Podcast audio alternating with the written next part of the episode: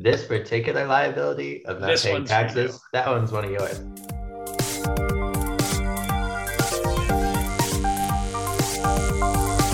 Well, I'm not a crook.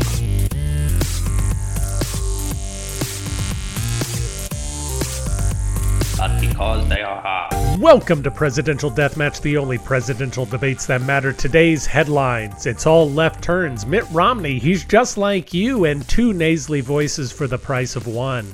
Which candidate would be the best job seeker, Eugene V. Debs or Mitt Romney? Aaron Butler moderates a Nixon Humphrey style debate because one of these guys really needs a win. All that and more on today's Presidential Deathmatch.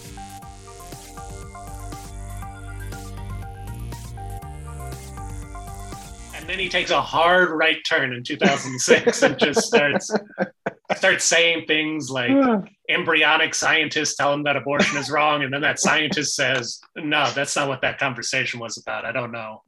I don't know what he got." Anyway, I painted a bad picture for Mitt right now, and I probably should because he's my guy. Oh, he's he's painted a bad picture for himself, but redeeming quality is calling Marjorie Taylor Greene an idiot or morons or whatever it was in that recent that recent Yeah. Uh, Or during the interview. Janu- during January 6th, didn't he didn't he like turn around and start yelling at everybody inside? He's also uh, apparently the first Republican, like sitting Republican, to march with Black Lives Matter, which is pretty cool.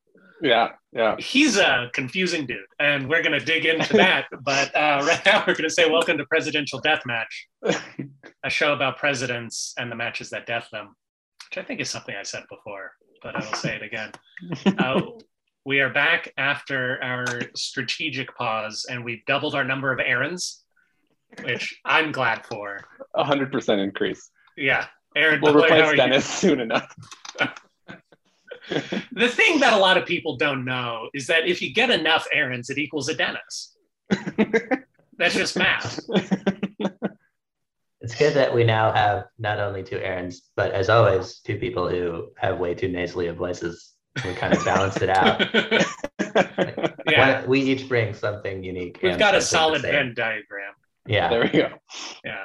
The upstate New York accent really shining through. The, the Calvin Coolidge is what we call it on this podcast. Yeah, Ah, it's what the world calls man. it. I think is is fair to say.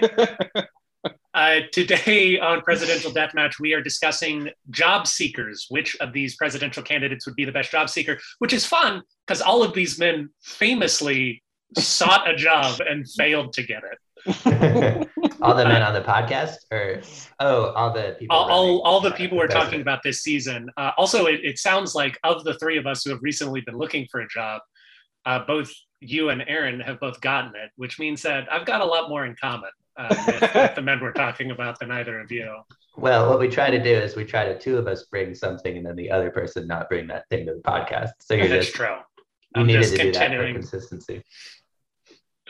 Uh, but but how's everyone today? Apart from you know, life is uh, a, a terrible malaise. Uh, Yeah. Parts Apart of it are that. on fire unnecessarily.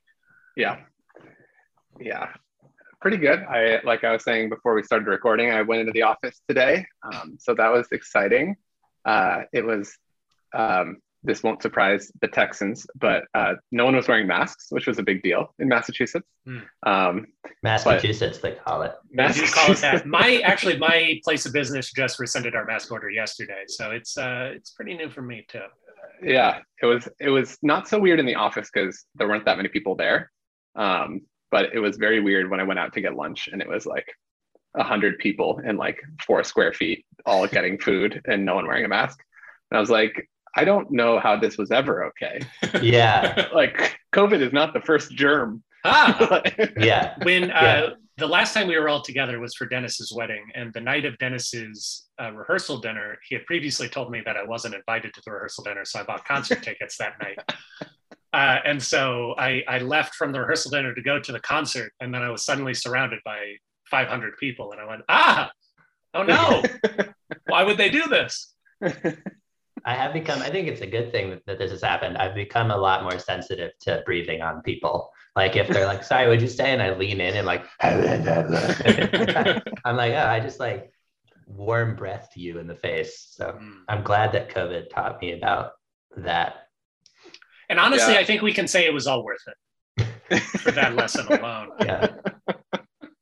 Um, the whole price to pay. Yeah. Dennis, we're talking about who is the best job seeker today. Who are you talking about? I'm talking about Eugene V. Debs Victor. Mhm. Eugene Victor Debs. Um, and he, of course, uh, he was alive from 1855 to 1926. He was a socialist and he ran. Uh, usually we talk about what election they ran in, but he ran in the 1900, 1904, 1908, 1912, and 1920 elections um, and didn't run in 1916 despite being strongly coerced to do so for anti-war reasons. So he was kind of just the face of socialism in the U.S. for quite a few decades. Yeah. Um, yeah, he ran because the socialists kept asking him to, pretty much. He's the He William a- Jennings Bryan of those elections that did not have William Jennings Bryan, yeah, several of them did. yeah, yeah, and and he just lost to William Jennings Bryan if Bryan was in it. But other than that, he And thank goodness he did, because uh, WJB really needed a win yeah. in some form of fashion. 1912 was really the big one.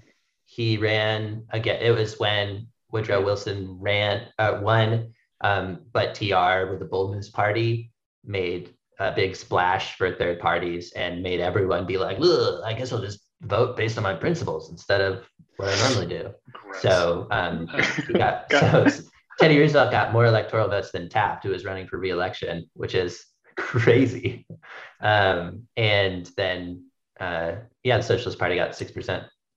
I don't want to distract from uh, from talking about Eugene V. Debs, or but uh, because he opened up the door into the 1912 election, uh, my brother will very frequently quote the demonstrably false fact that uh, Bernie Sanders got more votes in 2016 than Hillary Clinton did. Um, but it is true that in the 1912 Republican primaries, Teddy Roosevelt was winning all of them over Taft. And so the Republican Party shut down the primary system because it was being too embarrassing to their incumbent. And they literally said, oh, we can't have this. We need to stop the primaries and just give it to Taft. Otherwise, he's going to lose and that won't look good. Oh my god. But just now, like, things can be more corrupt.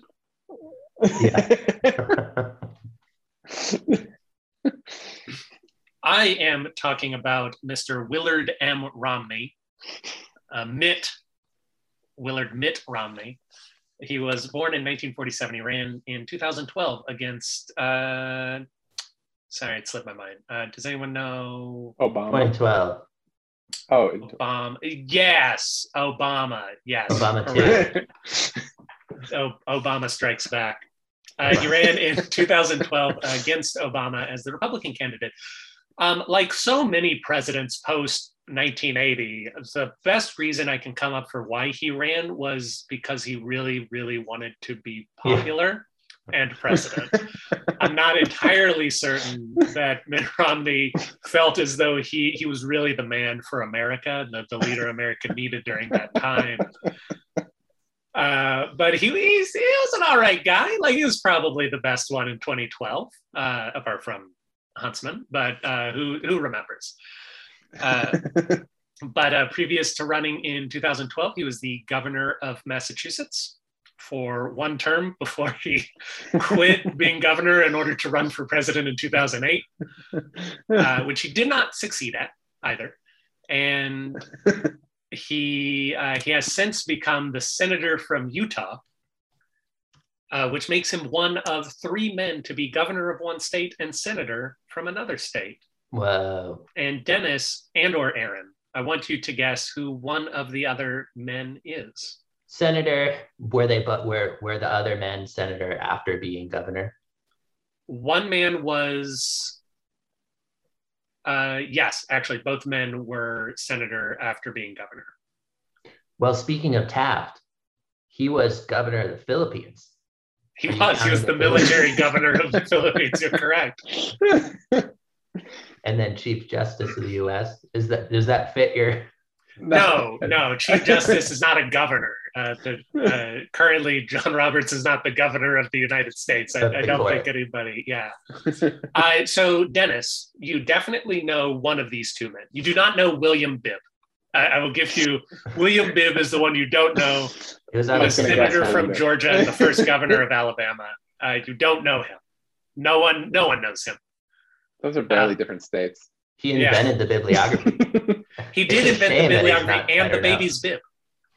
He was was actually a prolific inventor, William Bibb. yeah, but since there was no bibliography at the time, Right. no one knew that he was the one Who did it?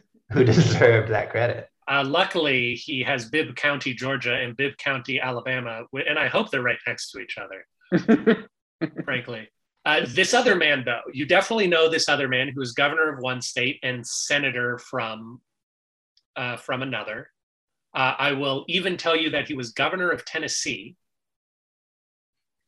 Uh, that was the state he was governor of, and I will even go even further to say you said his name in our last episode, In our in the chat in the Kolache episode. Kolache Yes. episode.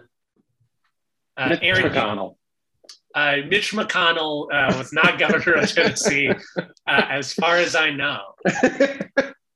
Uh, although he is governor of our hearts, I think we can. I appreciate the, the room for error there, just in case he was governor of Tennessee. Um, in Right, in case he was like governor of Michigan or something before uh, becoming an immortal banshee. Michigan, Haunting. Michigan McConnell. Mhm.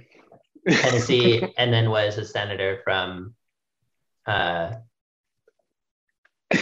somewhere Funny. else, He is. He not is. Tennessee. Uh, Dennis, where are you right now? Not the specific Tech- place, but in general, where are you? The Bayou. Less Region. general than that. Less general than that. Yeah, yeah. Less general than Gulf Coast, Yeah, we're we're both in where? Texas. Or Houston. also, yes, that is correct. Houston. And Houston Greater is named Houston after. No, you're okay with Houston. But Houston is named after. Was Sam Houston It was Sam Houston. from indeed. Tennessee? Yes, Sam Houston was born in Tennessee, was governor and senator of Tennessee, and then governor, Wow. senator, and president of Texas, as well as the post leader of Texas for daring to say Texas shouldn't join the Confederacy.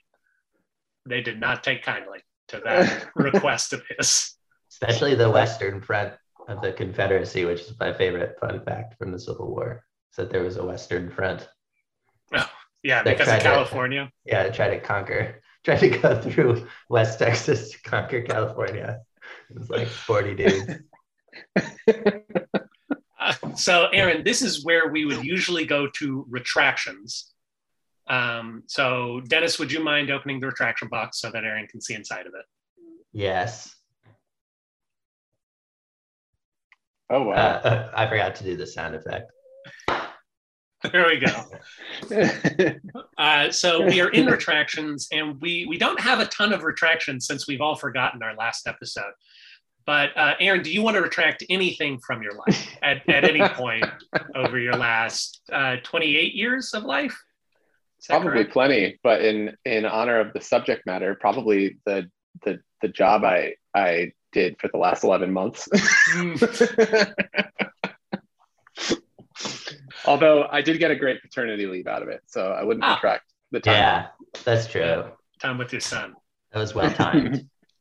I Uh, was thinking about it, and uh, I actually worked there for eleven months.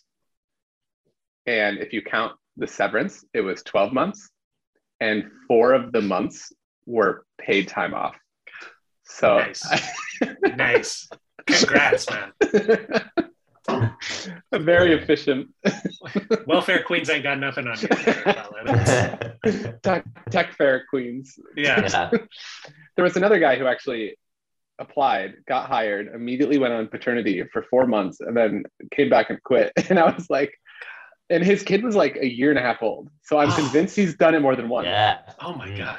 And his name was Mitt Romney. Mitt Romney. Willard Mitt Romney.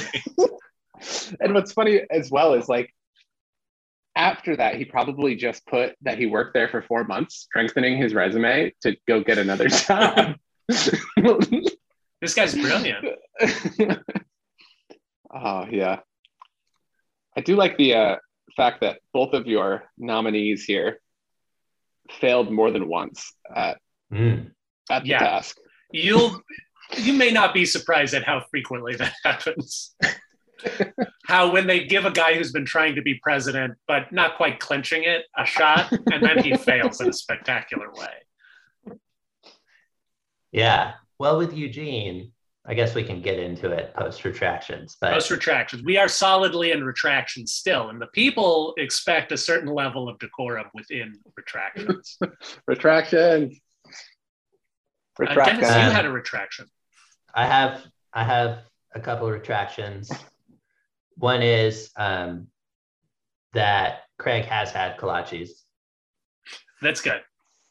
Aaron, have you had Unsure. kolaches? Do you know what a kolache is? I do not. All right. So go back, listen to our episode. We'll wait.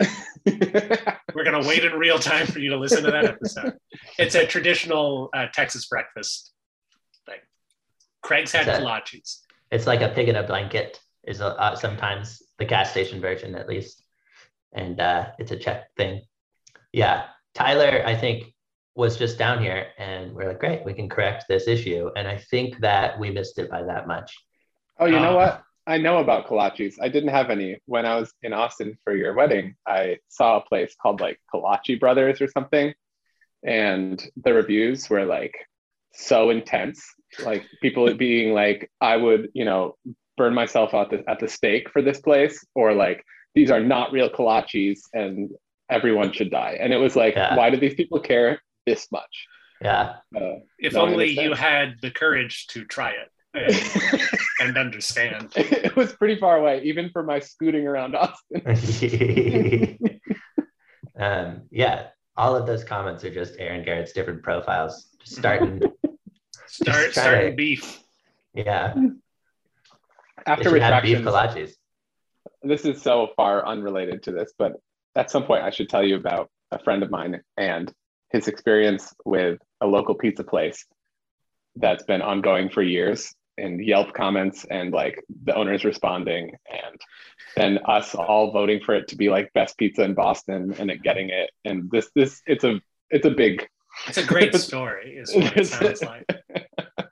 it is Yeah, a if big- he Everyone, works there stay now, tuned until the end of the credits to hear this story if we remember to ask Aaron at the end of this episode about it. Dennis, you actually did some homework homework on Michael Badnarik when I did not do any on John Bell. So I'm going to quickly try and piece together an argument for myself. Oh, you mean talking about him running the first modern campaign? hmm Well, I didn't really do any homework. Well, you wrote stuff down and I didn't. yeah, what I wrote down is that he was uh, did a modern campaign in every way imaginable, imaginable because he's a polymath and a genius. you don't go from running for president to leading tours in the San Antonio Riverwalk by being uh, By just being the same scrub. old, same old. Yeah. That's true. I did something I've never done before, which is mostly because I uh, do not use social media. Uh, but I did, in fact, tag Michael Badnarik in our picture that we Awesome. posted on on uh, Instagram for that episode. As far as I know, he did not respond. Uh, he probably gets a lot of texts, uh, being a former candidate of the Libertarian Party who now leads Yeah. tours in the San Antonio Riverwalk. It's a busy life. Um, another attraction of mine is that I had a Czech Pilsner yesterday. Congrats. Good stuff. Yep. So I Uh, understand how that's a retraction. another point for Badnarik there. Yeah. But if you had listened to the episode, Aaron, you'd know. You'd know. because he's maybe Czech, like kolaches. Um, and then lastly, um, the I started watching the show "This Flag Means Death," which is the latest thing directed by Taika Waititi. Highly recommend. It's on HBO Max, um, and it's set in the golden age of piracy. First thing that it shows is title card: Golden Age of Piracy, year 1717. And I was like, no, Yeah, I was about to say that's not the golden age of piracy. That's not the R-ing 20s. Yeah, it's not the R-ing 20s. So Yeah. there's uh it's still a roaring debate. I think maybe once Aaron's pizza restaurant friend is done with that whole thing, we can try to make R-ing 20s happen. I I uh, sent that to a, a, friend of mine who listens to the show, and I said, because he loves uh, Dennis, he will bring it up in nearly every conversation that I have with him. how much he loves the off the cuff statement you made. I've never heard of a Kennedy dot when we were talking about James K. Polk and John F. Kennedy. He loves that. He thinks it's one of the funniest things. And so I texted him and said, We've got something you're going to love even more than the Kennedy dot. And he did love the RF20s, as it happens. uh, how did John Bell run the first modern campaign? Uh, he didn't. Back when we were preparing notes for the episode we were going to record before a strategic pause, I realized I didn't know what to say about John Bell. He was a failed candidate who primarily failed because he ran an old style campaign. So he he convinced his cousin to invent a telephone so that he could run political outreach via telephone. He did, but he was dead for 30 years by by the time Alex got around to making it. So it really bit him bit him in the bum. he tried. He had a plan, and it fell behind. He was just so far ahead of his time. He looked like he was behind his time. You know? yeah, I mean? yeah, yeah, yeah. The pendulum, the mm-hmm. pendulum of time. well, it is time, as it is every episode, to close up the retraction box. Presidential deathmatch regrets the errors. So, we are here today to talk about job seekers. Which of these men would be the best job seeker? Because uh, all three of us have recently looked for a job, two of us successfully, one of us extraordinarily unsuccessfully. we don't need to decide who's who right now. Uh, but Aaron, since you are our guest, let us uh, start with the question: Why did you choose to defraud your previous place of employment by taking four months of parental leave, then immediately leaving to then return to your previous place of employment? And what was well, that process like? Yeah, uh, well, it was uh, pretty simple. Um, they laid off like 60 people and of like 200. And oh. so I was one of them. So it's really on them. Um, so I don't have any guilt about my my paid time off. And then I started applying pretty aggressively and interviewed at a lot of places. Got a couple offers, but going back to where I had already worked seemed the most comfortable at a time in my life when I have a small child. And uh, it was, it's also not exactly the same job. It's a sort of promoted job and better title, better compensation and all that. So it sort of worked out in in it worked out for me. I do feel bad for the other 60 plus people who are still looking for jobs, but uh, I was definitely super fortunate. That reminds me a lot of Mitt Romney. Uh, as so much today has reminded me of Mitt Romney. Uh, but but it is interesting because Mitt Romney. Uh, one thing I didn't know about the dude was that he ran for Massachusetts senator in the in 1992 uh, and failed to get it. He challenged Ted Kennedy for the seat uh, right after. Uh, I, have forgotten the name of the river where Ted Kennedy killed a person. Uh, Chappaquiddick. I think it's Chappaquiddick. Yeah. oh yeah, yeah, yeah. Jim Gaffigan so, was in that movie it was the it was the, his first election after the trial of Chappaquiddick, and uh, Ted Kennedy was seen as especially vulnerable. Mitt Romney decided, hey, uh, let me do it. My dad was a politician. My mom's was a politician. Maybe me, W. Mitt Romney. Maybe I can be a politician too. And he ran and he lost uh, by uh, by a healthy margin, but apparently it was the worst victory Ted Kennedy ever had. Uh, and then he took some time off, 12 years off, and come, comes back and wins the, the gubernatorial race, uh, despite trying to seem like a normal person. Because if there's one big thing I've learned about Mitt Romney and Aaron Butler, is that they should never deign to act like an average Joe. Because they're just, we see through it. We just know that you're a golden god uh, and should be treated as such. Yeah. That was a long 12 years for Mitt, I imagine, because he couldn't go sailing with the Kennedys anymore. He had to find new ways to unwind. Uh, I've got stories.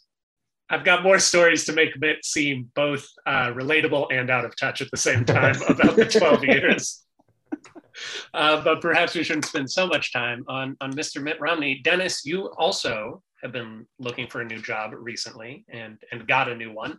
What what was that like for you? Um, similarly, uh, you know, going as fast as I can to apply to jobs. Um, first time that I've done that where I need to try to really talk up my experience and skills instead of being like, like I'm smart and young, you should really bet on me kind of thing. Um, I mean, I guess my skills got me my job at WriterDuet, but it was, you know, it was different. Yeah. um, and uh, yeah, I think it really has highlighted um, one, the importance of trying to be like, this, you should be really impressed by this in a list when people are reading so many bullets. And how do you do that? Which I don't think I really know still. And then the other part of it is once you actually get an interview, it's like, okay, like now I just need to like prove that I'm interesting to these people. And like that part has always been a little bit more comfortable for me, though I haven't had very many interviews. So because you knock them all out of the park. I can tell you, I've had a lot of interviews, and I've decided that there's a direct correlation between how many buzzwords I use and the like how far into the interview I am. That's like an inverse relationship. So like when I'm talking to like a recruiter, I'm like always bringing up all the buzzwords I can. And then by the time I get to like designers, I'm like, hey, what's up? yeah, talk like a normal person. But I found that if I don't do that, like in the first stages, like you really have to prove like I promise I'm a real person who's done this before early on, and then later on it's been proven. So you can just be like, Yeah. do we like each other enough to hang out all day every day? yeah. I promise that I'm an exact cultural match to everyone who already works at your company that touts diversity of everything. Actually, else. there was one job I applied to where I got along with them so well, and they were planning an offsite to Austin, Texas. And I suggested Lucky Robot for sushi. And they, I ended up not taking that job, but they are going to Lucky Robot as part of their offsite for dinner. And if that's not like a like a success story and like how an interview can work out, like I don't know. I just go in like I'm leaving here with friends, even if I don't get hired. Like I guarantee you, I will leave here with new friends. That's the that's the, the goal. Very good. Uh, Dennis, uh, did Eugene V. Debs ever make friends? oh, he made friends uh, left and right. Uh, well, left actually. Yeah, primarily. Very, left. very left. Um, he uh, he was a celebrity because everyone he met loved him. He was very much like a shirt off his back kind of guy, um, and was always helping people and stuff. And then he got super like martyred by America because he spent a lot of his life figuring out how to make strikes more successful and how to help unions come together um, and stuff like that. The biggest, the, that all culminating in the Pullman strike, which is a huge part of history. Cool, cool strike.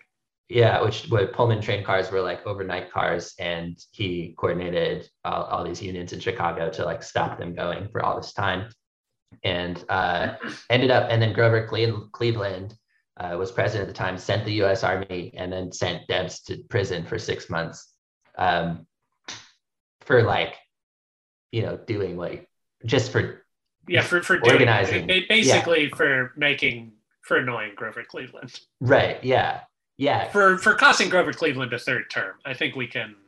That, that's that's the long and the short of it. yeah, Grover Cleveland had cigars with the Pullman like executives the next morning. Like it was clearly uh, that sort of a situation. And he, um, yeah, and in prison, he was just he was friends with the sheriff whose jail he was in that he spent six months in. So he it was really more like a quarantine situation. And he um, got like so many letters during that time. And he a friend started talking to him about Karl Marx and brought him Karl Marx books and everything. So that's when he really transformed from like uh, someone who people really appreciated for how much he was looking out for workers and trying to help like labor unions and everything to uh, truly starting to become like a socialist icon and everything. And so then he was super involved in every version of the socialist or communist party that would form and then eat itself and then form So the two that's- sects and then eat themselves. Almost the exact same story as Adolf Hitler. Uh, but for one key difference, which is that Eugene V. Debs probably wasn't a horrible monster. Uh, but as far as like becoming the next version of himself while in a prison, yes, yeah. Uh, Malcolm X, Mhm. similar. Mitt Romney as well Romney. spent some time in prison uh, for a very similar situation. Eugene V. Debs uh, coordinated a massive and important labor strike in order to highlight uh, problems within the way that the train system was running and was thrown into prison because of his ideals in that regard. Mitt Romney was told that his inspection sticker on his boat wasn't obvious enough. Uh, and then Mitt Rom- and that he couldn't take his boat out on the water. Uh, Mitt patriotically took his boat out on the water anyway, and then was thrown in a county lockup for three days Really? for, for being disorderly conduct. And really is that Ted Kennedy took the sticker off of his boat. Yeah. Ted Kennedy. Was, Sabotage. yeah, I like it. every problem in Massachusetts can ultimately be tied back to Ted Kennedy. I think that's the current motto of Ed Markey. Yeah. well, Robert Kennedy is a problem these days. Oh, We've man. got uh, George P. Bush. We do have George P. Bush. Oh, Yeah. what a terrible, not to delve into politics, because we are, of course, a history show more than a politics show. But what a terrible, terrible choice between Ken Paxton, an indicted corrupt man who is a uh, Donald Trump toady, and George P. Bush, a not yet indicted corrupt man who is a Donald Trump toady. I don't know which to choose. Uh, Yeah. Texas. it's going to be hard here to choose, you know. Yeah, I can't have- wait to uh, see how much Beto loses by. in November. It's gonna make me. Well, it's not hard for you, Aaron, because you're just going to write in Mitt Romney like you always do. Like every Indeed, time, every time, indeed. making up, I'm making up for not voting for him in 2012 by writing him in every single election. Uh, in Massachusetts, we're gonna we are losing our Republican governor. Charlie Maybe Baker has. you, you might you might elect another one. You've elected him twice. It, would- it doesn't look that way. I, I know. I like Charlie Baker. I don't have to live in his state or deal with any of his decisions, so it's pretty easy for me to like Charlie Baker, Phil Scott, and Larry Hogan. No, I actually like him quite a bit. I I think it would actually be a question mark of who I'd vote for if it was him and like some random Democrat because he's done quite a bit and invested a lot into the environment, um, which is a high priority for I think all of us. It should be because we will all die. But I don't know. To bring it But back yeah. around to Massachusetts Republican governors, Mitt Romney governor for a couple of years. No, but he did care about healthcare because he essentially passed the Affordable, the Affordable Care Act in Massachusetts and then wasn't allowed to talk about it in 2012 because the Republicans decided they hated it. Uh, although actually Mitt Romney was Mitt, Mitt Romney uh, was an incredibly popular governor for his first couple of years as Massachusetts governor because he uh, he essentially did the hard work of a fiscal conservative, which is he uh, closed tax loopholes, which made enemies of the corporate folks in Massachusetts. He also instituted some extra taxes on driver's licenses and hunting licenses and things like that in order to make up, I, I want to say it was a $500 million budget shortfall. He managed to turn that into a, a surplus, a budget surplus in his final years before whomever they elected after Mitt Romney sort of drove it back down into deficit town. Uh, but then, uh, Dennis, tell me if this sounds familiar. Mitt Romney really wanted to be president. And so he started not paying attention to Massachusetts for the last two years of his governorship. And they did not take too kindly to that. And by the time he left office, he was the third least popular governor in America. Whoa. Yeah. So, so I feel like there's a little bit of a parallel to job seeking of this thing of like, I liken it a lot to like learning about acting in college, of like deciding you're going to apply to a place and then allowing yourself to become a total like just everything about you is now like completely in line with the values of the company. Like this is your passion kind of thing. Just just until you can get through the cover letter just like you don't realize it but i am defined by your company and it is time for us to merge into one amorphous blob and uh i feel like that's uh that's where mitt's dropping the ball there is he's uh he, he's switching contexts for his next job and people can see right through it That is true. He has a tremendous problem with what uh, we might call relatability, in that he's the son of a governor of Michigan who has uh, was a vice president of a major company by the time he was 30 he he appears to have never taken a a, a salary for any government job that he's done or indeed any job that he's done. Any non private sector job he's taken, he has not taken a salary for it because people got angry that he was being paid a salary because he was absurdly wealthy already, which is fair. Uh, because corruption seems to swirl around Mitt Romney uh, like like a storm. But he uh, he seems like the sort of dude who has always been handsome, rich, smart and successful. And so whenever anything doesn't go his way, it's sort of like Captain Hammer and Dr. Horrible's sing along blog, where just even the smallest amount of pressure cracks Mitt Romney. Yeah. Uh, so uh, this might be a loose connection, but y'all are both uh, fans of Japan. So I was reading in part in my job seeking. Uh, I was learning about, or I was revisiting the concept of ikigai. Do y'all know this? I do not. Um, so it's it's a, a Venn diagram, much like the three of us, overlapping circles. Um, but instead of bad voices, it's um it's like one circle is what you love, one is what the world needs, one is what you can be paid for, and one is what you're good at. And the idea is that you're trying to do something that suits all four of those categories. And then it's fun because it kind of also defines like if you're doing something that you love and that the world needs and that you're good at, but it's not something that you can be paid for, then like you're like volunteering Passion. and you, Yeah.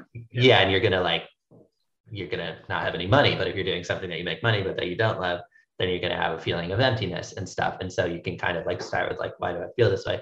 Or you can start with like, how do I like what do I need to do to, you know, you know, what am I da- in danger of feeling because of the situation I'm in, kind of thing. Um, and in the case of Mitt Romney, I guess he's doing what he can be paid for, And then but gallantly refusing to be paid without for it. So uh, here's here's a, a story of something that Mitt Romney loved and that the world needed, and that he was good at, as it turns out. So, uh, Dennis, do you remember the story of William McKinley and his wife Ida? yes. Uh, could you tell Aaron about it? So McKinley was assassinated. Before that, Oh, all right. Oh, when they when they uh, met and everything. no, just Or, like oh, about when he was in the White House. Yeah. She was a little bit of a um, a little bit loopy, and uh, maybe had like some like kind of anxiety stuff going on because of they lost their kid really young, and so he arranged for her room to be the room that had a window that could see into the Oval Office, and then like between every meeting he would like wave at her and she would wave back down and she would sit in a rocking chair and knit slippers and stuff. And when he was assassinated that was kind of like the final blow to her sanity and she spent the rest of her life she was alive for a really long time uh, knitting slippers and like staring at like a picture of him that was she had knitted into her knitting bag. And uh, she made like something like 4000 slippers or something crazy like that. And she never like switched it up. She did it was like she didn't like get into she never went to mittens. yeah Yeah. Uh, so just take the first part, uh, the nice story of William McKinley trying to adjust to to his wife's needs. Uh, another WM, Willard Mitt Romney, uh, found out that his wife had MS, which he described as, as a very painful time for both of them. And I thought you were about to tell us how Mitt Romney defines MS. I, was like, I don't need to know how you. Uh, so so Mitt Romney's wife Anne has MS, and that's a difficult time for them. They found out that her MS symptoms are really alleviated by horseback riding, uh, as well as sort of cross country hiking and all sorts of very rich activities that she would do in Utah at their vacation home. So they decided to permanently move to Utah to help her recovery, and it was there that the 2002 Salt Lake City Winter Olympics said, Mitt, you're the man for this job. And that's when Mitt Romney became the CEO of the 2002 Salt Lake City Winter Olympics, which I did not know he Wow. did, That's awesome. uh, as well as the Paralympics. Uh, he, he was the CEO for that event. And I believe he he did a he did a really fantastic job sort of turning it around because it was like all Olympics a terrible idea and it was bankrupting Salt Lake City, but he used his fundraising prowess and his ability to badger the US government for money and got money. And the Salt Lake City Olympics actually ended up being a net profit for the, Wow. city, which essentially never happens. And it all started because his wife could afford to ride horses. he took he took a salary that year. He, He did not. just- He, he gave that money up as well. The the two million dollars or so that they were paying him to do that, he donated it to the Utah Sports Foundation or something. and then and then Utah had exactly two million dollars in profit from their Olympics that year. No, it actually was. It was like forty million dollars. It, was a fairly significant amount uh, that they also now use. They use the budget surplus in order to found an organization which now takes care of the venues built for the Olympics. So also, unlike so many Olympics, the buildings they built are still in use for Utahns and the X Games, which do things Cool. in Park City. The Lake Placid, man, they use they use all their Olympics equipment. I think you're Someone's always lying. I don't. I don't know enough to, to say that for 100% that you're lying, but I definitely feel like you're lying. I think they I think they do what a lot of Olympic villages do, which is like they use their ski jump as a tourist attraction where you can go up to the top and go, I'm in an Olympic ski jump, and then go back down. And I don't think that like I don't think anyone's cool. jumping off of it. But Lake Placid does better than a lot of places because it's like not a place that people were gonna go to before. And now they do, and they have their, you know, annual Ironman and it's just like a athlete destination. I'm gonna look up if Lake Placid. It's, a small, it's also a really really- small place, so it's like it's not like uh yeah. Well, I don't yeah. I don't even know how that would work, but for some reason in my mind that means that they'd be less likely to lose a bunch of money from doing the Olympics. Well, I was wrong. They apparently just updated the Lake Placid ski jumps, and they were used in the trials for Beijing. We saw how that worked out for us. Um, time to hit the bricks, Lake Placid ski jump. Dennis, do you have more information you want to tell us about Mr. Victor Debs? Um, well, Aaron, do you have any other job seeker things that you think are an absolute uh, an absolute must? Well, I, I definitely think it is useful for a job seeker to be willing to move. You know, if you want to take opportunities, you should be able to to relocate. Uh, sure. He uh, Eugene, he was a big speaker. He moved around all the time. Yeah. Uh, I, I think that when you're you're seeking jobs, you can't be you can't hold too too hard on to your your ideals. Sort of like you said, you need to merge with the company, so you need to be a chameleon in, in some ways. Did, Mm. did Debs ever do that, or was he a pretty diehard socialist the entire time? Well, he always he was always himself. And this is something that I'm very impressed by because he would even he became he he just knew that he had skills that were in demand and that it was known and he created a situation where that was the case. And so then he always let his employers know that he was willing to walk.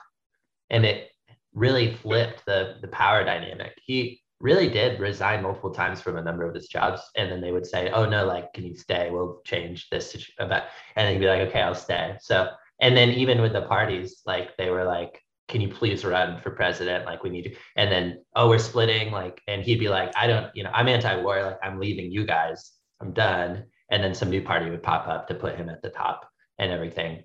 So he he really like put himself uh, in a position where where he demanded respect in that way, and and as a result, he was always uh, always in demand by employers, uh, which is cool too. I mean, that even goes as far back as when he started, and he said, you know what, the employees should have the power here. Let's get a union together. Let's make strike. You know, everything else. That's the same thing of like these these companies should be should be the ones looking at us. We're the ones with power. And he really lived that way. It's uh that is pretty cool. Yeah, not afraid. I, I do think that one final thing, which it sounds like Mr. Debs had in spades, is uh, you need to be able to maintain enthusiasm uh, because you're probably going to face a lot of rejection while seeking jobs. And, and you need to be able to sort of go from opportunity to opportunity without without losing hope. And I, I don't think a man runs for president six times by uh, by getting down. Did Mitt run six times as well? No, so Mitt ran. Mitt actually has a pretty embarrassing political record, quite frankly. He ran for Massachusetts senator, which he lost, governor, which he won, twice for president, which he lost both times ultimately. Uh, he tried to become Trump's Secretary of State in a hilarious photo that I hope we all remember uh, because it is the portrait of a man dying. Uh, have do you, do you remember this picture, Dennis? No. Okay, I'm gonna I'm gonna pull it up because it's hysterical. Uh, Mitt Romney is meeting with Donald Trump to at a dinner. This is after. God, I'm looking at it right now. It's just remarkable. Um, this is after Mitt Romney told everyone, "Don't vote for Trump. He's an idiot," and then Trump wins uh, and then they they catch him having dinner with Mitt Romney and Mitt Romney and Donald Trump, and just look at how pleased as punch Donald Trump is with his Eugene v. Debs like power in the situation, and Mitt Romney, a sad, sad man who knows Scallops look good beaten. though. They do. I wouldn't know. I've never had one he's making a face like he was still in the process of thinking like what face could possibly get me out of the situation that this photo will cause and he just like couldn't land on one uh, but then of course mitt becomes senator of utah and i think that I honestly think he's done really great work as senator of Utah. He, he seems to be about as Republican as Joe Manchin is a Democrat, which is to say he is. Let's get off his back about that. Uh, but also, it's a very loosely held reign that he's willing to to take away at any moment. I think most of us would agree that Senator of Utah is really above President of the United States. If you really think about it, like who reports to who? You yeah, I've I mean? always said that about Mike Lee, the other senator from Utah. Mike Lee, I say, there's a man who has it figured out. Well, my new position in life is that everyone, thanks to Eugene, my new position is that everyone reports to me. It just all comes back downwards. So I would agree. Mitt is above the president. His constituents are above him. And then go down reporting. Yeah. And then yeah. Vietnam, I suppose, is is the leader of the world. Yes. In that particular economic regard. Uh, if you guys just, only knew. I've got so many bizarre facts about Mitt Romney, who's led uh, a life that I can only describe as Forrest Gump with money. uh, just like he's really good friends with Benjamin Netanyahu because the two of them worked together out of college, which is so weird to think about. Uh, Dennis, do you know yeah. who Netanyahu is? Um, yeah. I don't remember a former prime minister of Israel for a very long time. Right. Yeah, that is fascinating. Yeah, but they've worked at the Boston Consulting Group. for several years together, and they're like, "Hey, man, I like you. You like me. Let's get together." Uh, I think we're going to talk a lot about Eugene V. Debs and Mitt Romney in next week's retractions. Dennis, as you may remember from, from our last episode, we began to talk about presidential fringe candidates, people uh, who, who are not the, the main ones we're talking about today or in this season, but were ridiculed, uh, the, the lesser known candidates, the Pat Paulsons of the world. Yeah. And uh, in honor of what's going on in the Ukraine, I wanted to find a, uh, a candidate like uh, like Zelensky, who was a former comedian but tried to run a serious campaign. Mm. Uh, and I did not have time to turn this into a game, so I just wanted to tell uh, both of you as we end a little bit about Dick Gregory, who was a, a black candidate for president of the Freedom and Peace Party, who, in a very Eugene V. Debs esque fashion, decided to leave the Peace and Freedom Party when they nominated a man that he thought was inappropriate to the ideals of that party. And so he and some other people formed the Splinter Freedom and Peace Party. Dick Gregory uh, is is a big big name in comedy. Um, like we may not know him, but apparently he was the, the, sort of Jackie Robinson of comedy. He broke down a lot of race barriers in comedy. He ran in 1968 against Richard Nixon and Hubert Humphrey. And uh, he, he mostly talked about um, uh, number one, he used humor to disarm audiences a lot. And he managed to get 47,000 votes. Uh, and the Peace and Freedom Party candidate only got about 13,000 and he is known for one particular major campaign thing where he printed his picture on what looked like dollar bills, uh, but with his face on it. And on the back, the dollar bills said, Take this one opportunity to express your free choice. This country is redeemable. Take this to the poll with you and vote for Dick Gregory president, David Frost vice president. And then the FBI got upset at him because they were uh, very similar looking to dollar bills, and they said he was counterfeiting. Because uh, the FBI didn't necessarily have a whole lot going on in 1968, I suppose. Uh, but he, he managed to do that. He got 47,000 votes. He was a vegetarian because he said that animal rights are very similar to civil rights.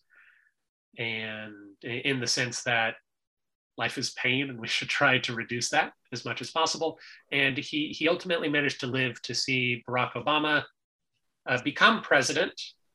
Uh, I tried to find out what his opinion on Barack Obama was, and all I found was uh, Alex Jones, uh, who, in his traditional Alex Jones way, said Barack Obama is the Dick Gregory of Kabbalist statist something I, I refuse to commit it to memory, but it, it was unhelpful. It was unhelpful in me discovering what Dick Gregory's opinion on Barack Obama was. Yeah, utter nonsense.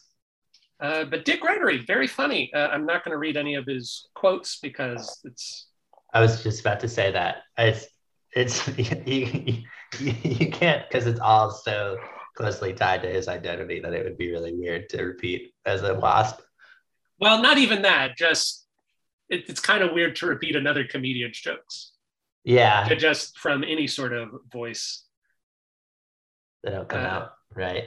Yeah. Uh, but but Dick Gregory, a man who probably deserved not to be ridiculed for running for president. And Butler, any other thoughts? Final thoughts on job seeking? Final thoughts on job seeking. I think there's a there's a, a lot that goes into job seeking. Um, final thoughts. I hope that whomever among us has not yet successfully acquired a job does so soon. I think we all hope that for each of us. I don't. We're all in the same applicant pool. I wish the worst upon all of you. Are we in the same applicant pool? Are we doing the same job? At the end of the day. Yeah. just kidding. The end of the day, we're all just working for the senator from Utah. Am I right? It's no, true. They're working for me. That's oh. my tax dollars. paying Mitt Romney. Oh shit, it's not paying Mitt Romney. Not He does free himself from that argument. Like, can you be a public servant if you're not paid? Yeah. Yeah, if you believe in it. And he seems to, he's super, like, he's just like a, he's like an alien who really wants to understand humanity, but just keeps, just there's something in the way. I do. all see I do it. appreciate his love for chocolate milk. There are so many pictures of him with chocolate milk, and I also love chocolate milk, but I don't know if it would be my drink of choice, like while in the Senate chamber. Yeah. It's a political choice. Yeah, That's yeah. He was like, I like chocolate milk, and people love when I'm drinking it in photos. So So I got to do it. yeah, This is going to be my big comeback. that was what was happening in that Trump photo. He's like, I don't have a chocolate milk. What face? I mean, ah. well, thank you to everyone who is listening, especially thank you, Jason Jonathan Rivas, for donating to Presidential Deathmatch. wow. We really appreciate it. Thank you so much. and Well, until I'm next time, and I'm gonna take. I'm not gonna pocket any of that personally. I'm glad. Uh, thank you. You're going to donate it back to the company. Yes. Good. Good. Hey everyone, here's a here's a timely message. If you run an LLC, file your taxes. Cuz that almost snuck up on me. Anyway, goodbye.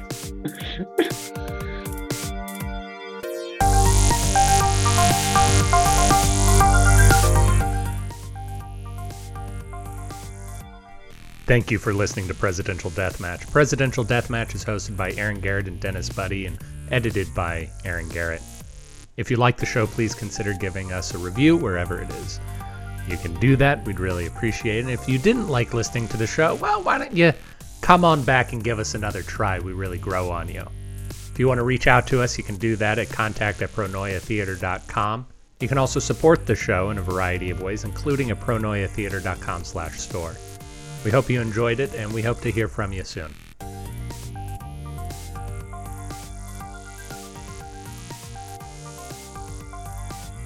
The good Uh, news is, Aaron, your liabilities are limited. That's true, very limited. And uh, I I'm in a partnership, so they're even more limited than that. I only have 50% the liability, which is There you go. already limited in and of itself. So you, you could just call Steve and say, Steven, Uh, Aaron, can you tell us this this pizza story? yeah, I, I worry I hyped it up too much, but basically, there's a place called Hot Box in Boston, and they got Pizza. great pizza. I think Best it's pizza in really, Boston, I hear. I think it's really good.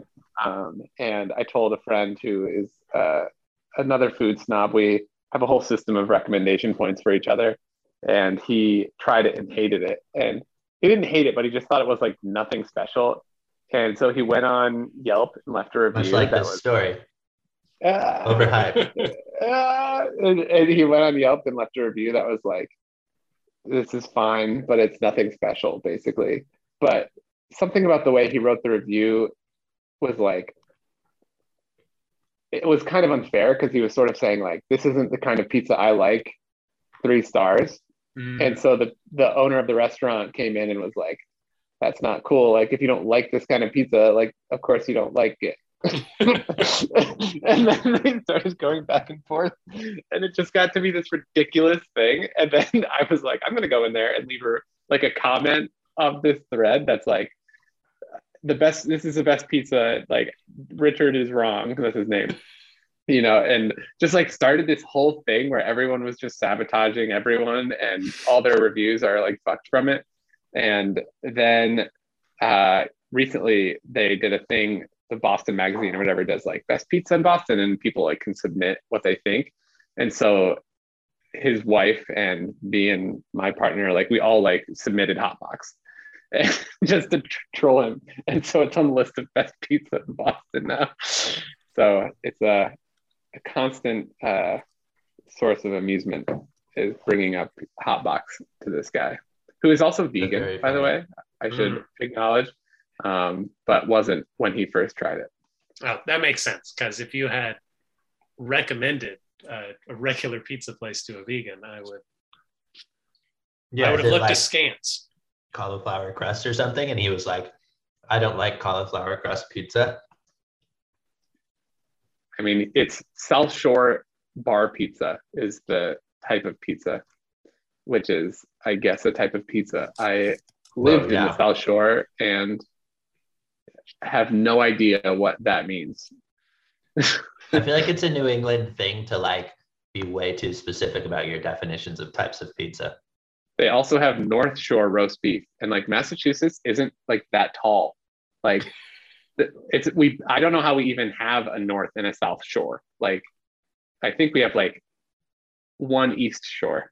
I'm is what I reading through these reviews, and the South Shore definitely seems to be the one that people are into. As I the search South for, Shore is a shitty place to live. Let me see if I can find the Yelp comments because I'm really looking the, for it myself.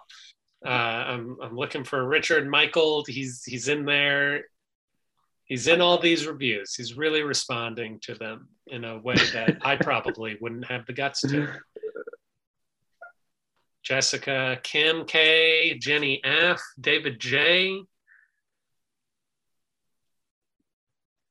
Kelly O. Huh, so many people. It is an interesting question because what because reviews there's this assumption that you're setting aside some some level of subjectivity.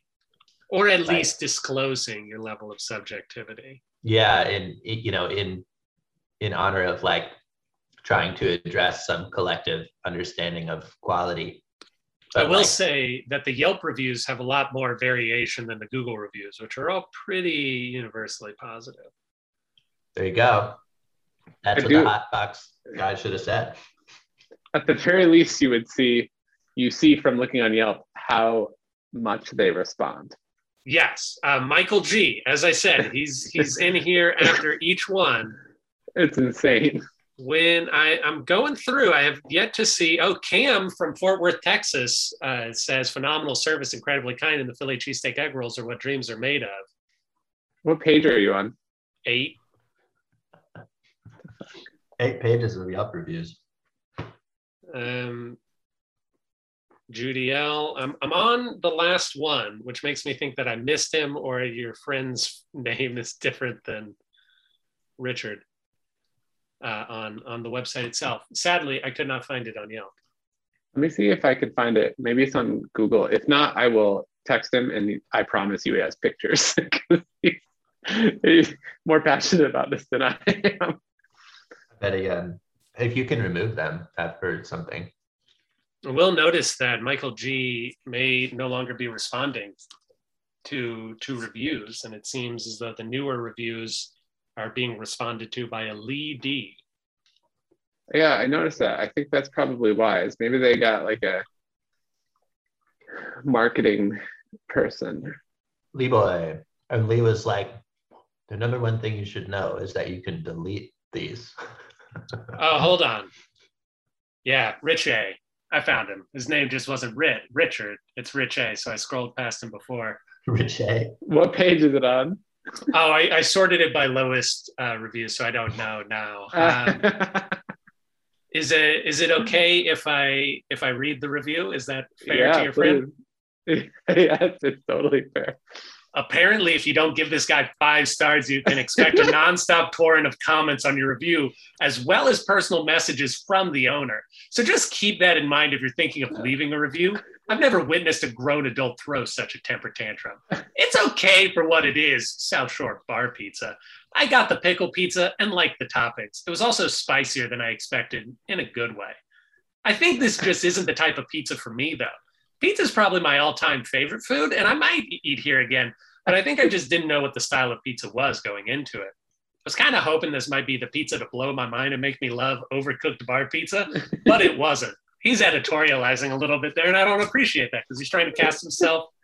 Anyhow i can't believe i haven't seen pickle pizza in more places though. It's a great idea and it worked! I'll try the roast beef next time i'm drinking at remnant. Edit. What the Dude, three stars is totally fair. Tarnish your reputation. Not everyone is going to love your business. You don't have to have such thin skin. I edited my review to make it more neutral, as you apparently had an issue with my wording initially. I'm going to reach out to Yelp because this is harassment. I'm not changing my review of three stars because it's exactly how I felt about the place. It wasn't the best, it wasn't the worst. Why would I give five stars to a place that wasn't great? Here's a wake up call not everyone who tries your place is going to love it. You can try to bully people into five star reviews all you want, but if you Wow. want more stars, make better food. Oh my god, that's so good. Uh, the funny thing is, like, these are actually even that initial one that you read is an edited version from the first time, and then if like don't read it out loud because it's so long. But the guy's response, is Yeah, no, like, I'm looking at it right now. You know what is funny is too is that he mentioned Remnant Brewing as like the great place that he always goes, and I've heard that that place is like a solid three stars. Like, remnant. yeah, Andrew said it's like very middle of the road brewery. Oh no, it's it's fine. It's Yeah. not good. And it's funny that this guy, who's the only guy to give this pizza place a middle of the road rating, is like next time I'm at Remnant, the number one place in Boston. I will read this line from Michael G because I think it sums up his general tone in the response to Rich A's review. If you think that an owner monitoring the public perception of their business and then calling you out for changing your review is throwing a tantrum, you should probably get your mental health checked.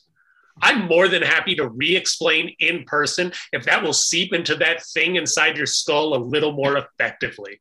Oh my gosh, that's such trolling. That's such internet talk. My gosh. Oh, but it's like, come on. I don't. I assume you both worked in service. You just you just say, "I'm sorry you didn't enjoy your pizza." Do you Yeah, We money?" do. Also, this is another solid one. All caps. We get it. You like your pizza extra fluffy. We serve bar pies, not fluffy pizza. Oh, I love it when he says the whole thing about like, uh, warning, manipulative Yelper in review. Yeah. It's Oh. not like it's a three star rating and it's super honest. I wouldn't necessarily choose not to go there because of that review. I'd probably be like, oh, this person's hypercritical and still give it three stars. I probably would like this place. And it's also not like they are a five star business with Right. one three star review. They have plenty of like one, two, and three and four star reviews. I do think the majority are five stars, but like that's pretty standard for a business. And this is also like for for setting the scene here. There's like this outdoor. It's basically like if you you go into this like little alleyway and there's this round sort of courtyard with a bunch of businesses around and like two stories of like little tiny shops and restaurants. And so this is like a window service pizza place. Like you can't go in and sit Mm. down or anything. Like you just order a pizza, they hand it to you out the window, and then you like sit in the courtyard. You go to And, like, Remnant Brewing. You get a beer from Remnant or whatever. So it's like very like I've been there. yeah, yeah, it's very cute. But I don't think anyone goes there thinking like this is when I'm gonna have the best food of my life. That's, that's where Andrew lives, I think. Yeah. Is that near you? yeah, in yeah, Somerville? Somerville. Yeah. Yeah, Did I forget to mention that Andrew Stout? Yeah, Andrew Yeah. is Michael G. It's his picture. I just, I don't know how that slipped my mind. Oh man, no, yeah, Andrew lives in Union Square. It, I love that little little place to go because they have a little, they have a really cool little wine bar and they have good food, and I had it's very um, fun. I had um